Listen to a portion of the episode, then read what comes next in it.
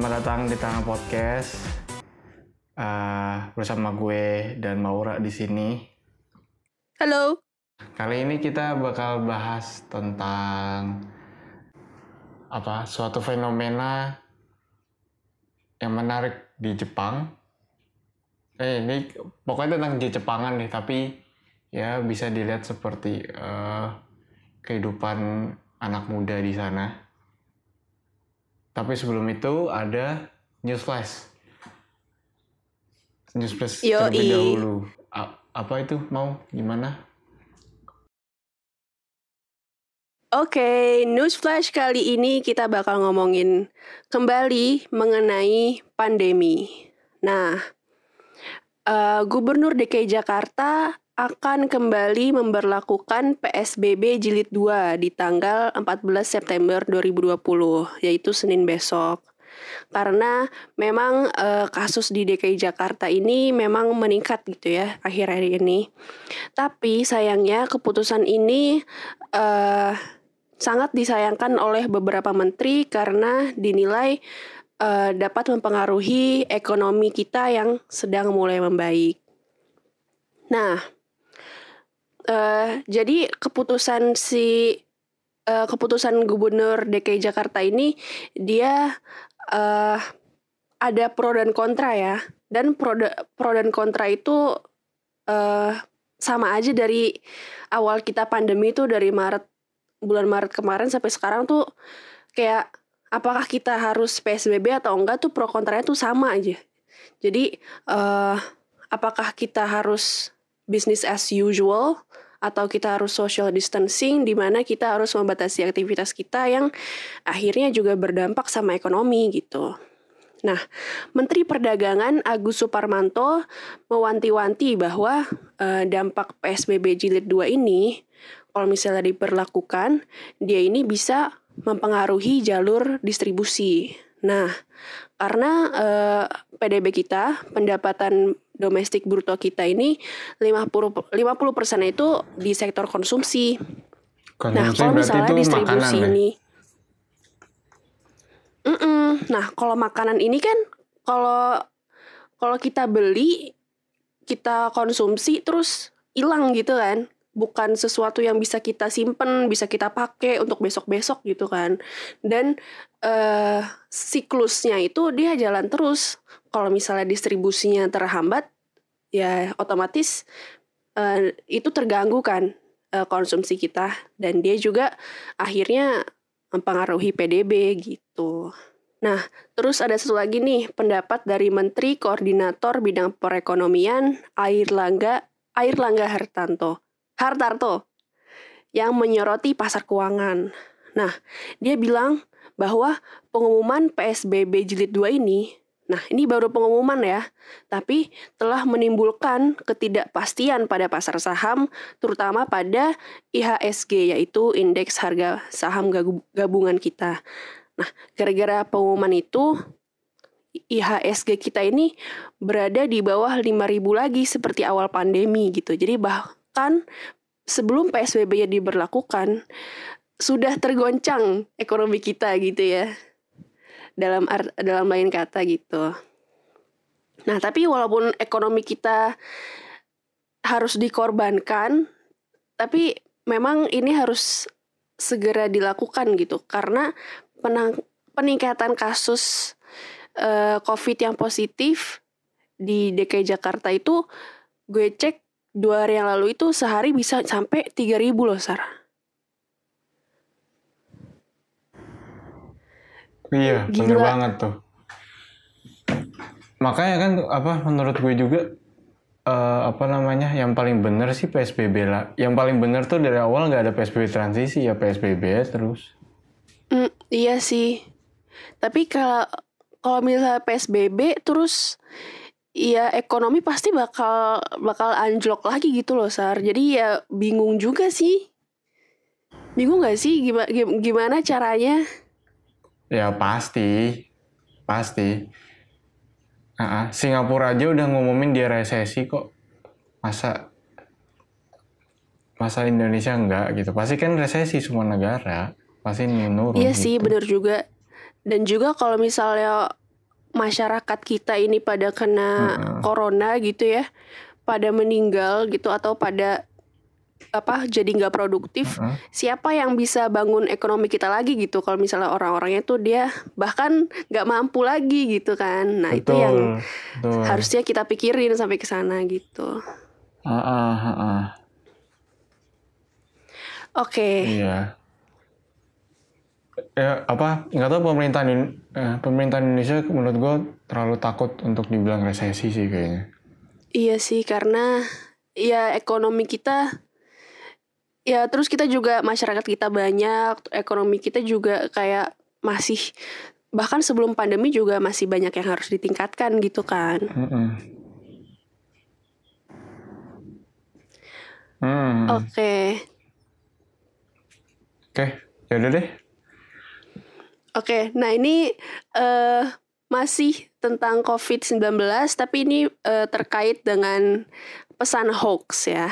Jadi biasalah kalau misalnya ada hoax gitu, dia kan eh biasanya pesan dari ini ya, dari grup di media sosial. Nah, Heeh. Kali ini ada sebuah pesan dari grup WhatsApp yang mengklaim bahwa minum kopi hingga tiga kali sehari mampu menangkal COVID-19.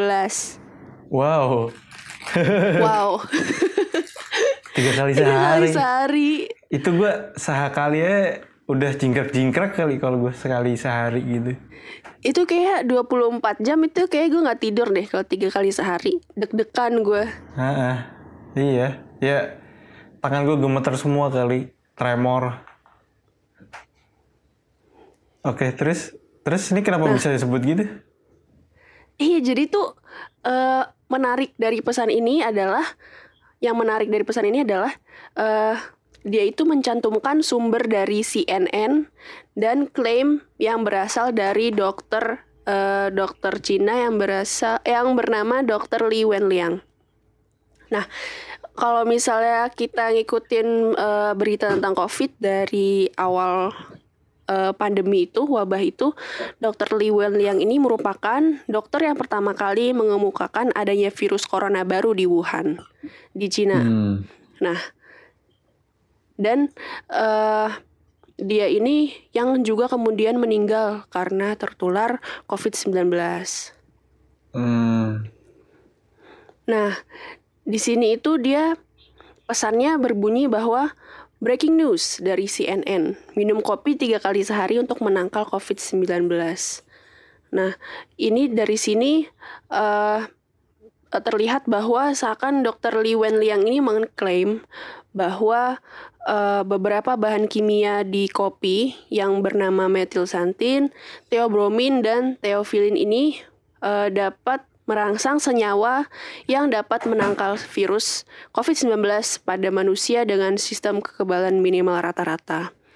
Dan eh, makin makin anehnya ini eh, pesan berantai ini juga mengklaim bahwa staf-staf rumah sakit di Cina ini menyajikan kopi kepada pasien tiga kali sehari. Waduh.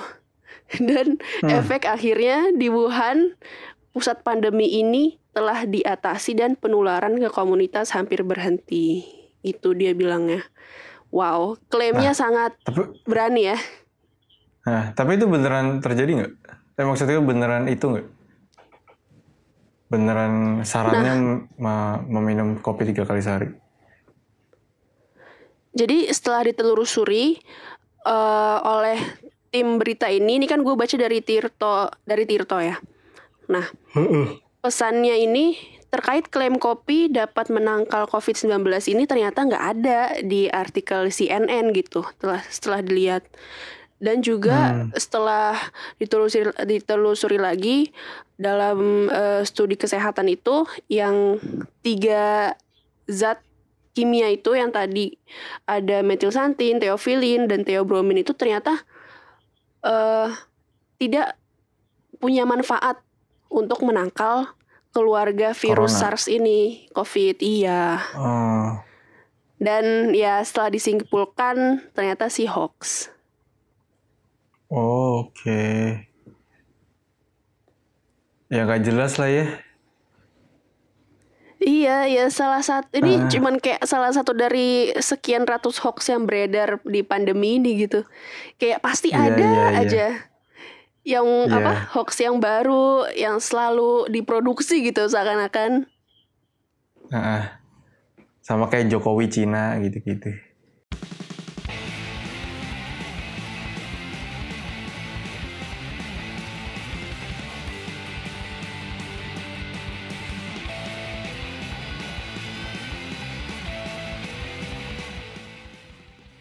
Sar, lo pernah nggak sih eh misalnya lo lagi di rumah, terus lo lagi capek atau lo lagi bete, lagi Mm-mm. males ketemu orang, Mm-mm. terus eh lo tuh ngunci diri lo sendiri di kamar gitu selama seharian.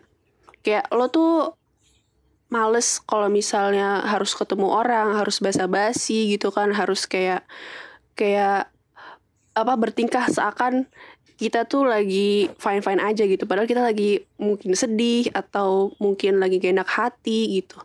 Dan Mm-mm. kalau misal dan itu tuh perasaan itu bisa berlangsung beberapa hari gitu. Dan lo juga bahkan bisa eh mengurung diri di kamar tuh sampai sehari dua hari gitu. Kalau gue sih kayak Hmm. gitu sih. Kalau misalnya lagi bener-bener bete banget gue tuh ngurung diri gitu sar. Ah, gue kalau kalau ketemu orang secara langsung masih nggak apa-apa. Maksudnya gue bakal hadepin sih kalau ketemu orang langsung. Tapi kalau misalnya gue udah bete banget, gitu-gitu paling gue eh apa namanya coba untuk diaktif semua akun sosial media gue sih. Gitu. Jadi gue Hmm, gue menarik jadi gue narik ke narik apa eh, kehidupan sosial gue dari sosial media aja. Maksudnya kalau misalnya masih ada yang mau ketemu sama gue ya gue depit tapi kalau misalnya nggak butuh-butuh banget cuma nongkrong doang gue gue biasanya nggak gitu. Ya sama kayak lu sih cuma gue nggak nggak segitunya lah. Oh, jadi kayak cuma menghilang dari dunia maya tapi kayak personal Iya, menghilang space di dunia nyatanya lo masih oke-oke aja gitu ya.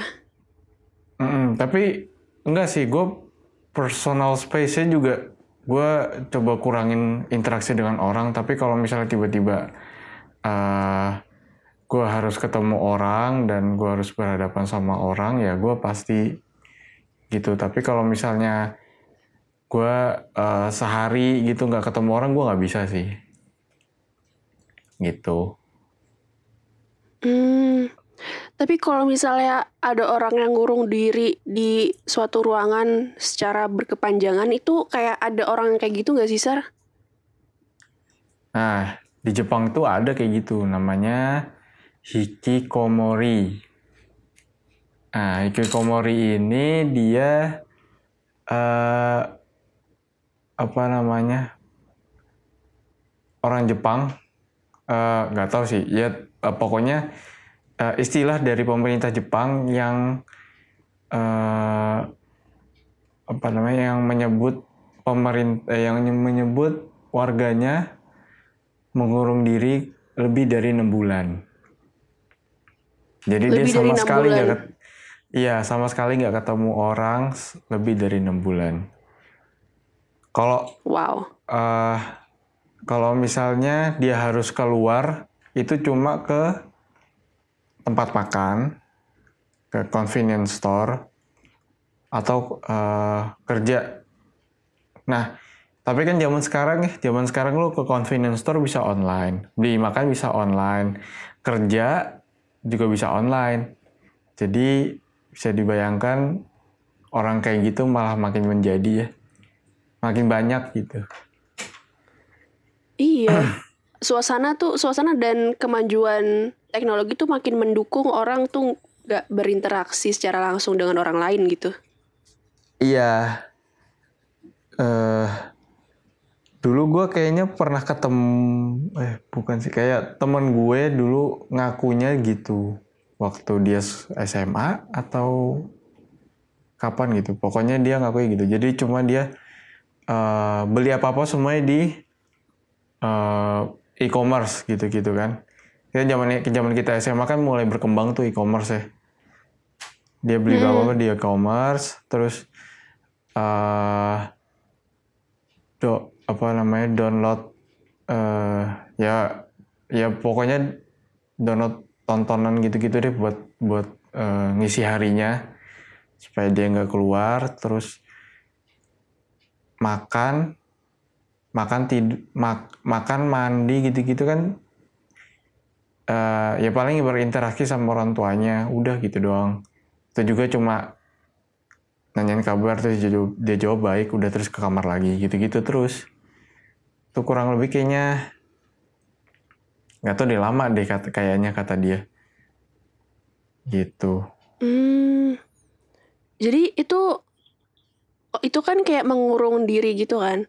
Kalau misal alasan Hmm. gue kan karena gue males ketemu orang. Kalau misalnya hikikomori ini eh, dia tuh motivasinya alasannya tuh kenapa sih bisa dia sampai berkepanjangan gitu? kurang lebih sama ya jadi kalau misalnya eh, yang gue baca ya yang gue baca-baca eh, mostly karena eh, depresi.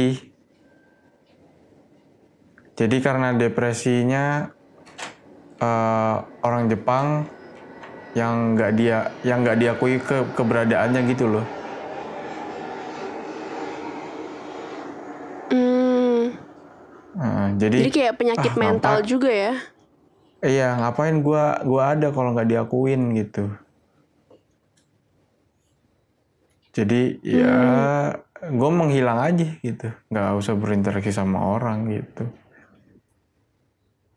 kadang kalau misalnya kita malas ketemu sama orang kayak kita eh, kita merasa rendah diri atau kita pernah dibully gitu kan kayak Mm-mm, ya udah deh mm-mm. kalau orang orang juga gak bakal nerima gue kayak gue gue udah berusaha untuk baik sama mereka dan gue nggak pernah nyakitin mereka tapi kenapa mereka tuh kayak gitu sama gue gitu kadang-kadang orang tuh eh berbuat kurang baik sama orang lain bukan karena dia tuh dijahatin gitu tapi karena orang yang mereka perlakukan secara tidak baik itu terlihat lemah gitu gak sih Iya, betul. ya itu salah satunya Tapi- sih Ah-ah.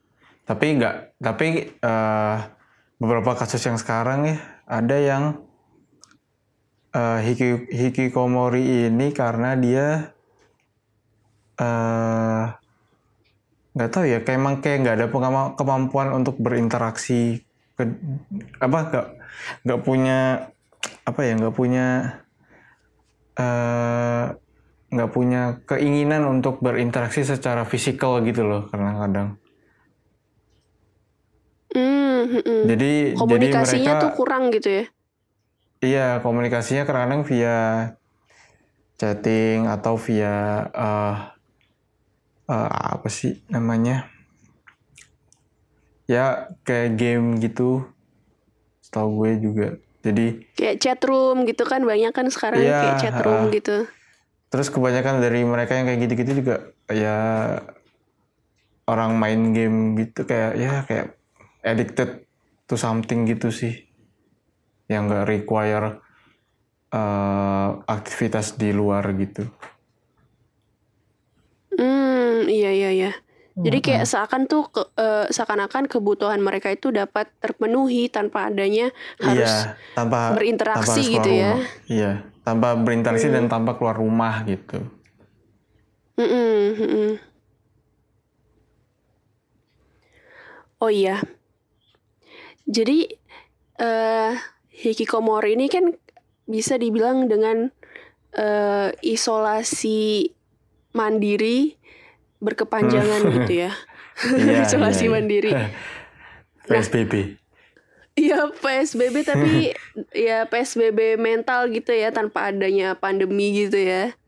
Iya. Nah, ini kan eh, berkaitan dengan apa ya? eh keadaan mental kita kan, mental state kita. Iya. Dan eh, perilaku ini bisa kita bilang mungkin salah satu bentuk dari perilaku antisosial gitu yang yang benar-benar uh, dia itu membatasi aktivitas sosial dia se sebaik mungkin gitu ya. Nah ini tuh Mm-hmm. gue jadi inget gue pernah baca dan pernah nonton video tentang eh, Jepang juga, tapi ini tentang pembunuh Hmm. berantai di Jepang gitu. Jadi Uh. dia ini juga eh gue kurang tahu apakah dia hikikomori atau enggak, tapi dia juga ansos gitu. Dan Heeh. gue nggak gue nggak bilang kalau semua orang yang ansos itu eh, bisa mempunyai kecenderungan untuk berbuat kriminal gitu, tapi eh, perilaku ansos eh, bisa menjadi salah satu karakteristik eh, orang yang yang melakukan tindik, tindakan kriminal gitu. Nah, pembunuh berantai ini itu namanya kalau nggak salah Sutomu Miyazaki. Lo udah pernah dengar belum sih? Kayaknya udah udah udah sering sih gue denger. Tapi gue belum tahu ininya. Eh, maksudnya belum tahu jelasnya. Ah, Heeh. jadi jadi ini lu lu kayak pernah lu pernah baca artikel tentang Sutomo ini nggak atau apa videonya? Iya, eh, yang gue tahu dia itu adalah seorang eh apa namanya pembunuh bayaran, eh pembunuh bayaran, pembunuh berantai, bukan ya ya bisa dibilang pembunuh berantai, ya eh, apa ya? Kalau yang gue baca-baca eh, apa namanya eh kayak gila gitu loh dia punya eh, kelainan di ID apa namanya atau bahasa Indonesia ya Di, ber, di- ber- DNA-nya gitu ya? bukan eh, ber, Apa? ber ber ber berpribadi ganda berpersonal Hmm. eh, double personal gitu loh ha. Mm-mm. multi personal ah ya kayak kayak di kayak di film Split gitu Oke. Hmm. Eh, jadi eh, dia kalau nggak salah punya empat em, empat korban. Eh, ya semuanya rata-rata di usia 4 sampai 7 tahun kalau nggak salah. Oh iya, gue anak ceritain. kecil banget itu. Ah, Iya, jadi jadi penyebab dia di- penyebab dia di penyebab dia bisa jadi seperti itu eh, dia dibully di di waktu kecil ya. Udah dibully di kecilnya eh, waktu kecilnya eh, bokapnya itu adalah eh, orang yang eh orang yang eh, strict gitu loh terhadap Hmm. eh, nah, jadi ngedidiknya tuh mungkin Keras terlalu keras gitu ya? juga Nah, ah, keras Hmm. terus dia dibully di sekolah terus eh, dia juga sama sama anak-anaknya eh sama anak-anak sama saudara-saudaranya tuh nggak ada yang deket gitu nah terus em, ya dia dia alhamdulillah alhamdulillahnya dia berasal dari keluarga kaya. Maksudnya ya cukup lah berada gitu. Terus eh, terus pas dia mau kuliah ini eh, bapaknya marahin soalnya eh bapaknya kayak marah-marahin dia gitu soalnya dia nggak keterima di eh, universitas bagus di Jepang sana terus habis itu akhirnya dia memutuskan untuk ambil eh, kelas fotografi di di di Jepang oh ya terus Hmm, dia fotografi. Ah, ah, dia karena nggak dekat dia karena nggak dekat sama orang-orang di rumah eh dia nggak karena nggak dekat sama saudaranya apalagi sama bapaknya dia jadi dekat sama kakeknya Mm-mm. Nah ini yang menurut gue udah agak gila nih jadi pas kakeknya meninggal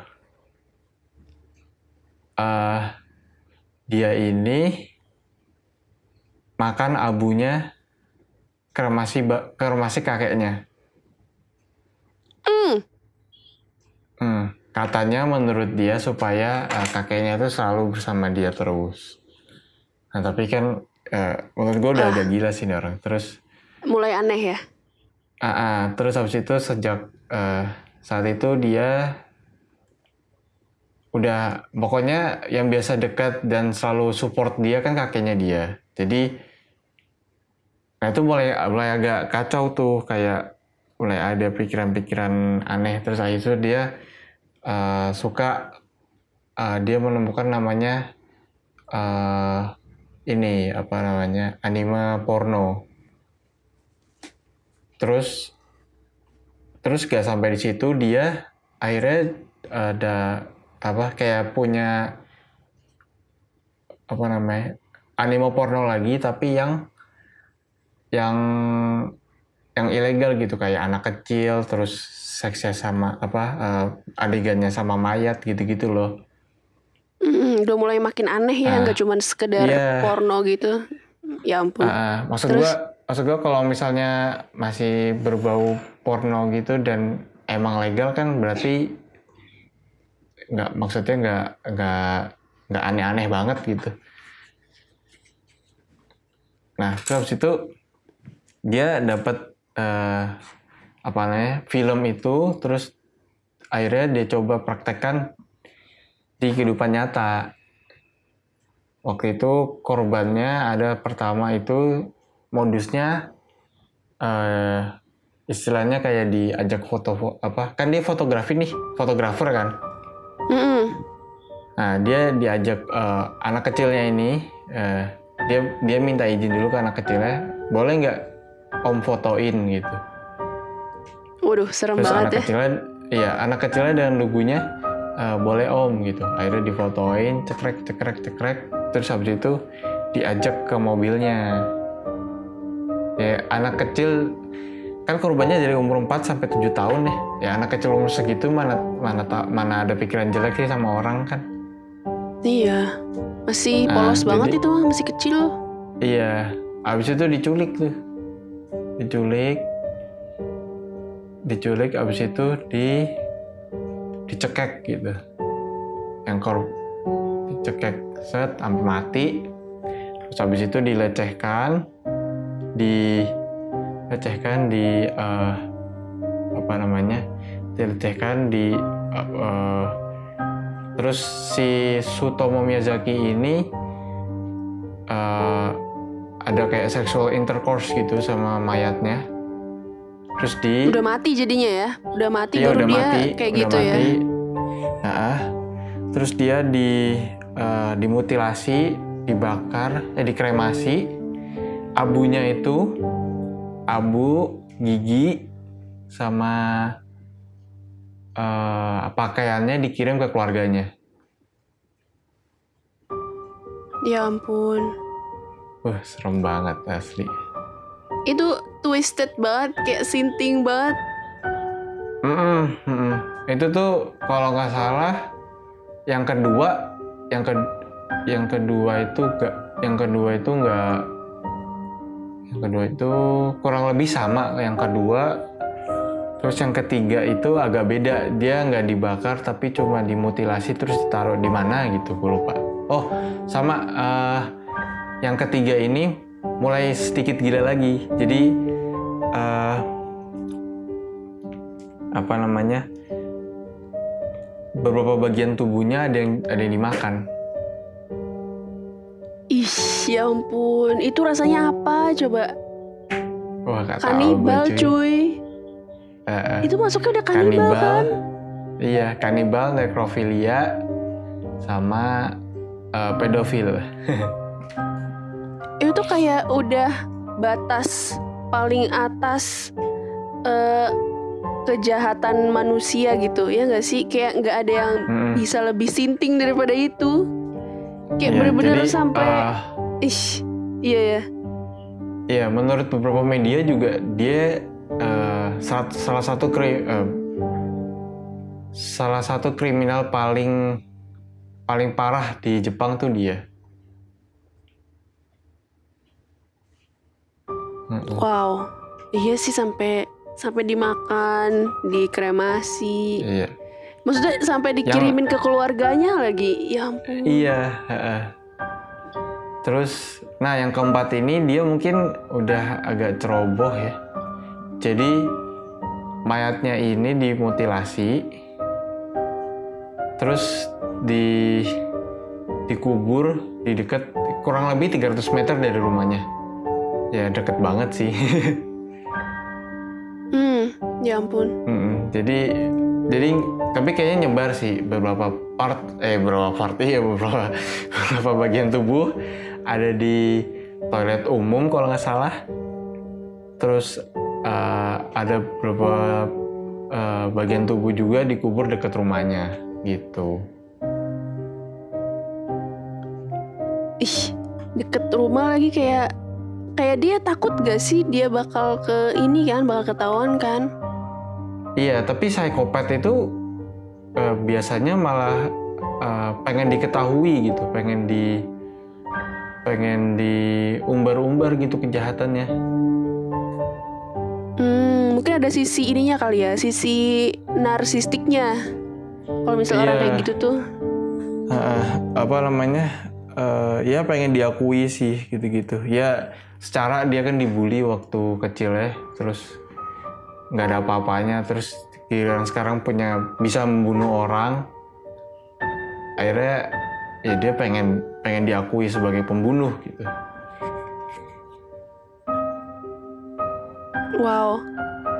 Itu kayaknya orang orang biasa tuh kayak bakal trauma banget deh kok. Dan gua nggak yakin kayak orang biasa tuh bisa sampai sekejam sekeji itu tanpa eh, kalau misalnya dia telah berbuat itu terus dia nggak punya trauma gitu nggak punya rasa bersalah itu kayak pasti pasti bener-bener ada kayak kelainan jiwa yang bener-bener akut gak sih kalau misalnya seseorang itu bisa melakukan hal yang sangat keji kayak gitu Hmm. Jadi eh, iya sih. Jadi set- waktu itu setelah diinvestigasi waktu di pengadilan dia merasa nggak bersalah karena dia bukan melakukannya gitu. Yang melakukannya itu ada satu diri dia lagi namanya eh, The Red Man. Oh, The Red Man. Oh iya. Ah, ah, Eh, gue pernah ah, baca tuh tentang The Red Man itu. Heeh. Iya.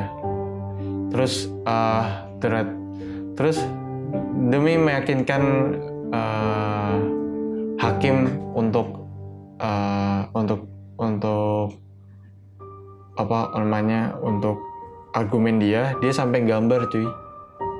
Bener gambar kayak gambar eh, The Red Man-nya itu kayak gambar tikus gitu. Menurut Hmm. menurut Sutomo Sutomo Miyazaki-nya ini dia dia sendiri yang ini yang eh bukan. Yang eh, yang menyuruh tuh The Red Man jadi dia tinggal melakukan aja gitu katanya kata dia. Berarti emang udah udah sakit jiwa sih dan nggak ketahuan dan nggak pernah eh, nggak pernah ada treatment gitu, nggak pernah ada perawatan untuk penyakit jiwa itu.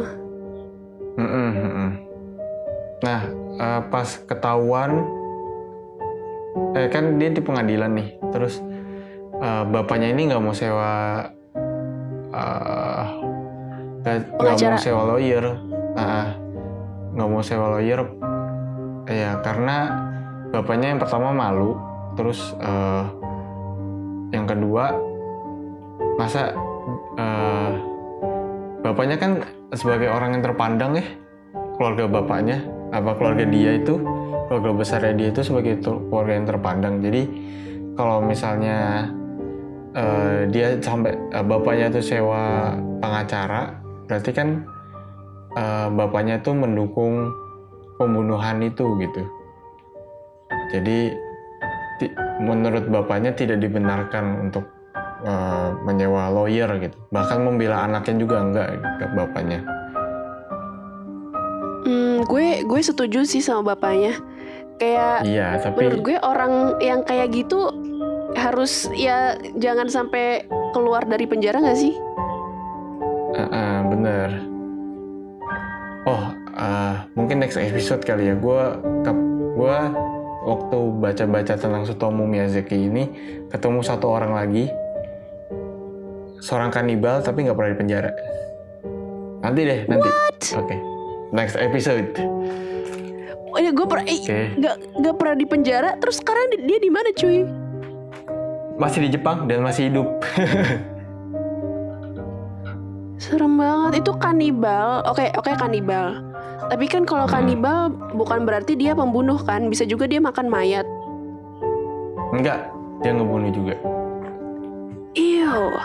tapi kan lu eh, seorang kanibal juga masuknya kriminal Iya tapi kayak kalau cuma cuman mayat doang itu mungkin bukan eh itu nggak apa ya nggak seseram kalau dia bunuh terus dia makan gitu loh. enggak enggak ya sama sih M- mungkin maksud mungkin nggak tahu ya tapi kalau kalau lihat Sumanto kan Sumanto aja di penjara gara-gara itu Iya emang Gara-gara harusnya dia di penjara kanibal. Heeh, heeh. It's sinting juga sih. iya makanya terus eh, oh ya terus eh, bapaknya kalau nggak salah eh, bunuh diri karena nggak kuat nahan malu kayaknya dari dari tekanan anaknya Eh, terus Sutomo Miyazaki ini dihukum eh, hukuman mati waktu itu pada tahun 2008 Hmm, dari 2008. Berarti udah 12 tahun yang lalu. Terus dia ini gak sih pernah sempet apa ya kayak di penjara gitu atau dia langsung kayak oke udah dijatuhin hukuman terus kayak langsung hukuman mati gitu kayak langsung dibunuh gitu. kayaknya sempat di penjara sih dia di, dia ditangkap itu tahun 1989 kalau nggak salah terus baru dieksekusi tahun 2008 Berarti kira-kira 19 tahun dia nunggu di penjara gitu ya sebelum akhirnya dia dieksekusi. Iya kan kan eh, mungkin dia melewati banyak pengadilan dan terus eh, merasa nggak bersalah terus-terusan akhirnya eh, terus dia kalah terus terus abis itu dia hmm, ini apa namanya eh, jadi apa akhirnya hukumannya ditambah-tambah terus akhirnya sampai hukuman mati. Mungkin begitu ya Hmm, iya iya iya bisa jadi kayak gitu. Mm-mm. Wow. Ini pas pas dia ditangkap ini dia kayaknya dia mau dia mau melakukan tindakan kriminalnya tapi kayak gagal gitu ya. Iya, iya. Nah, dia aslinya mau mau yang kelima, terus eh, ketahuan bapaknya, ketahuan bapak anaknya. Akhirnya ketahuan. Akhirnya ketahuan. Terus dia ngumpet, eh, pokoknya dia, eh, setahu gue dia lari ke kali atau ke sungai gitu. Terus nunggu berapa saat, pas dia mau masuk mobilnya, ada udah ada polisi di sekitar mobilnya. Gitu. Ini juga gue baca eh pas dicari sama polisi itu maksudnya disidak ininya rumahnya atau hmm. ruangannya dia itu punya Hmm. video video yang terkait ya terkait kejahatannya itu lima ri- sebesar 5.763 video. Wow. Iya. Ya itu eh, tontonannya dia sebelum melakukan aksinya gitu. Jadi yang gue bilang Terus tadi dia juga kayak, ada anime sama slasher. Ah, Iya. ada eh, apa namanya eh, porn tentang nekrofilia, tentang pedofilia, tentang Iya, iya tentang gitu pokoknya, tentang gitu-gitu deh. Itu waduh udah kecanduannya parah banget. Terus kebetulan juga Parah. kecanduannya juga mengarah ke eh, tindakan kejahatan yang sinting gitu nekrofilia kan.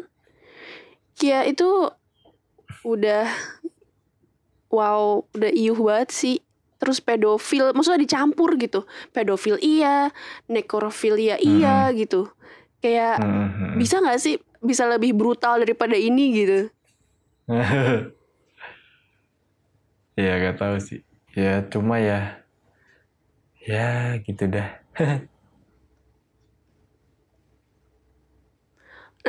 Gue gue penasaran deh. eh menurut lo, eh kita menurut lo ada nggak sih orang kayak dia sekarang ini? Mungkin di Indonesia lah gitu ya. Ada nggak sih orang kayak dia di Indonesia yang sedang yang saat ini sedang melakukan aksinya tapi belum terkuak gitu? Hmm. Kayaknya baru-baru ini ada ada ini deh, ada warga negara Australia pedofil sih, pedofil bukan bukan sampai nekrofilia dan kanibal gitu nggak. Dan dia nggak ngebunuh, Eh, dia melecehkan kayaknya. Melecehkan kayak ada berapa ya? 40 anak apa berapa? Warga Hmm, warga negara juga sih. Australia. Eh, bukan bukan guru bukan guru JIS ya, ini ada baru lagi gitu. Hmm, iya iya iya iya. Heeh, kan dulu ada ya enam eh, guru SD, SD apa TK ya? Dulu kan ada Eh, guru TK, guru TK. eh, guru TK. Jadi dia apa namanya meng eh ya gitu deh. Iya pokoknya itu bukan itu uh, bukan bahasan kita ya tapi kayak ada contoh Ah, di Indonesia iya. tuh ada gitu. Di Indonesia ada. Ya. Sejauh ini sih yang gue tahu Serem. itu. Oh. Oh, nggak deh. Kalau Rian Jombang itu kayaknya kasusnya mirip-mirip sama Sutomo Miyazaki nggak sih? Ah gue kurang tahu tuh Rian Jombang. Iya, jadi dia ada sisi apa namanya gay, ada dia yang gay, ada dia yang straight, ada dia yang pembunuh, itu pokoknya seinget gue. Hmm, Dan dia dan dia dimutilasi juga, disebar-sebar gitu. Hmm, Nggak tahu sih karena biar nggak ketahuan apa gimana. ini kayak apa jenis kejahatan itu macam-macam ada yang ada yang A, ada yang B, ada yang C, ada yang campur.